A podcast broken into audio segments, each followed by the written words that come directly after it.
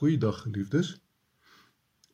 Die skrifgedeelte waarna ons vandag kyk is in Numeri 20 vers 1 tot 13.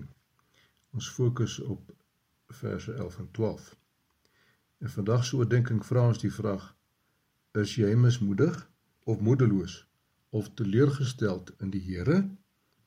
En hoe beantwoord ons hierdie vraag? In hierdie skrifgedeelte lees ons van die volk Israel, waar hulle in die woestyn sin sonder water en baie dors was. Soos baie kere tevore, kla hulle weer by Moses en Aaron en sê dat hulle liewers dood wou gewees het. Nadat Moses en Aaron by die tent van ontmoeting voor die Here neergeval het om by hom raad te vra, het die Here vir Moses beveel om met die rots te praat. Moses het egter eers sy volksgenote as opstandiges aangespreek en hulle gevra of hulle dink dit is hy en 'n Aaron wat vir hulle water moet gee. Daarna het hy in plaas van om met die rots te praat, soos wat die Here gesê het, twee keer met sy staf op die rots geslaan.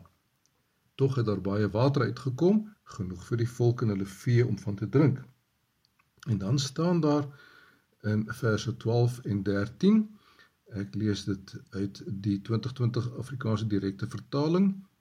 Maar die Here het vir Moses en Aaron gesê omdat julle nie vertroue in my gestel het om my heiligheid voor die oë van die Israeliete te erken nie, daarom sal julle hierdie geloofsgemeenskap nie in die land inneem wat ek vir julle gegee het nie.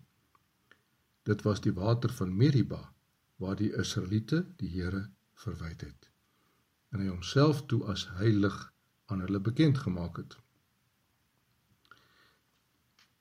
Was of is jy reg om handdoek in te gooi op 'n punt waar niks meer saak maak nie? Op 'n punt van totale mismoedigheid of moedeloosheid het jy jou werk verloor. Kry jy nie werk nie? Is jou huwelik op die rotse? Is die verhouding tussen jou en jou kinders gebreek of versteur? Beteken geloof niks meer vir jou nie? Dit gebeur Inderdaad, in die lewe van gelowiges dat hulle mismoedig en moedeloos raak, twyfel en sinies is. Mense raak moedeloos wanneer daar nie aan hulle verwagtinge voldoen word nie. Hulle blameer dan die Here vir die ding in hulle lewe wat verkeerd loop. Dit gebeur nie net in die lewens van gelowiges vandag nie, maar in die Bybelse tyd het gelowiges dit net so ervaar.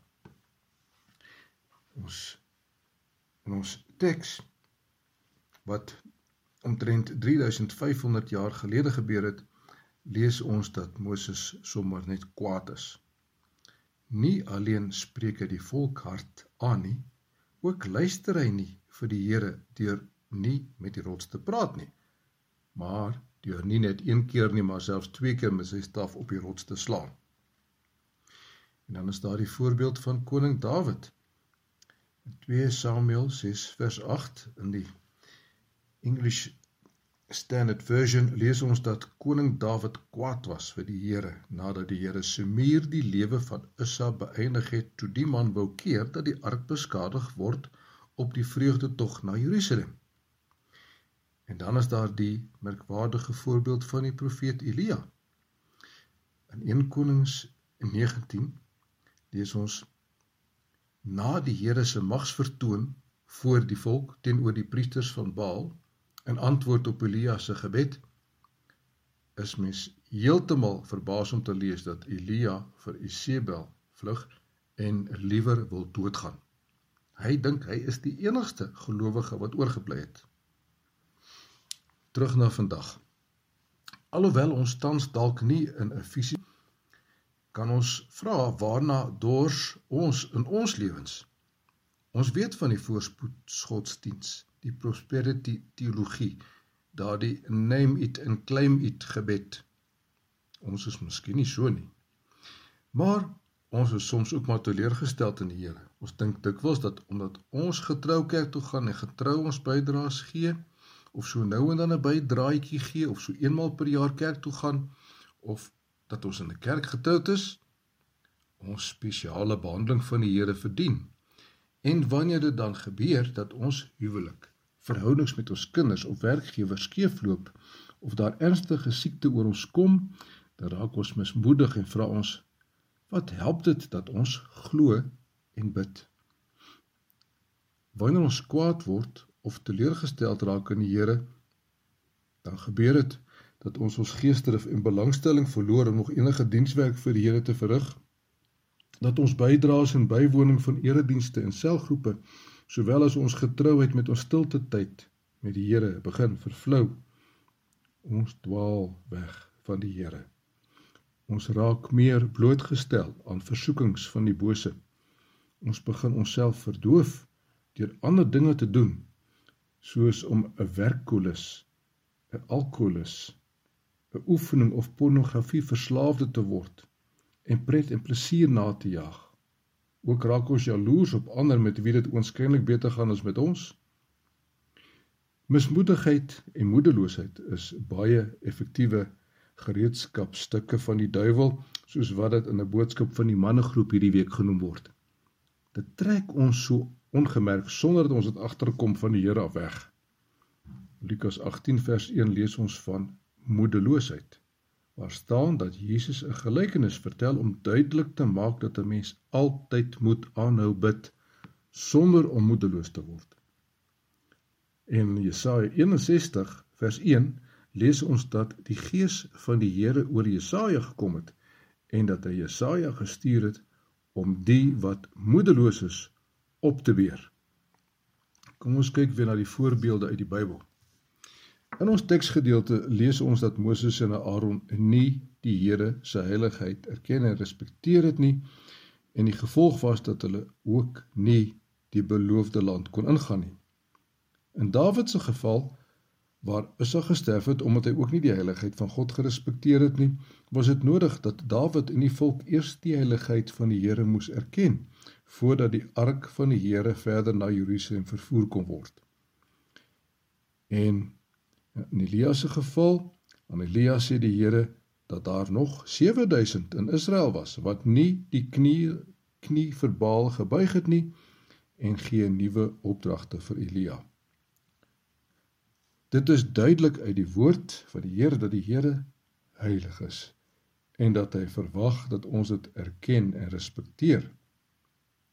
Hy gee uitkoms op sy tyd en sy manier sodat hy geheilig word. Hy is God. Sy weë is nie ons weë nie. En wanneer ons verkeerd optree, word God ook teleurgestel in ons. Maar hy draai nie sy rug op ons nie. Hy bly getrou aan sy verbond met sy kinders en sy liefde vir ons. Hy stuur sy seun om ons met hom te versoen en sy Heilige Gees om ons te lei en te bemoedig in ons daaglikse wandeling met hom om ons te herinner dat Jesus in Johannes 16 vers 33 sê hou goeie moed ek het die wêreld oorwin. Ek verwys na die stuk van die mannegroep. Hierdie beteken ons moenie moed verloor nie. Ons moenie toelaat dat die duiwel ons wys maak dat daar nie 'n einde of 'n uitweg is nie. Jesus het die wêreld reeds oorwin Hy het alreeds die oorwinning vir jou en my behaal aan die kruis. Hy het alreeds jou smart, jou lyding, jou swaar kry, jou probleme, jou bekommernisse op hom geneem en die prys daarvoor betaal. Daar is hoop vir jou want hy lewe. Roep hom vandag aan en hy sal jou laste opneem. Hou net goeie moed. Kom ons bid saam. Here, U is heilig en almagtig. Ons bely dat ons dikwels moedeloos is en U nie dien met ywer nie omdat ons nie lus is nie of omdat U liefde en genade ons koud laat. O Here, mag ons weer U liefde, U genade en uitreiking en die wonder van die lewe wat U aan ons gegee het raak sien en U dien met nuwe lus en geesdrif. Ons weet dat ons dit nie uit onsself kan doen nie. Help ons asseblief met dit. Werk met u Gees in ons. Ons bid dit in die naam van ons Here Jesus. Amen.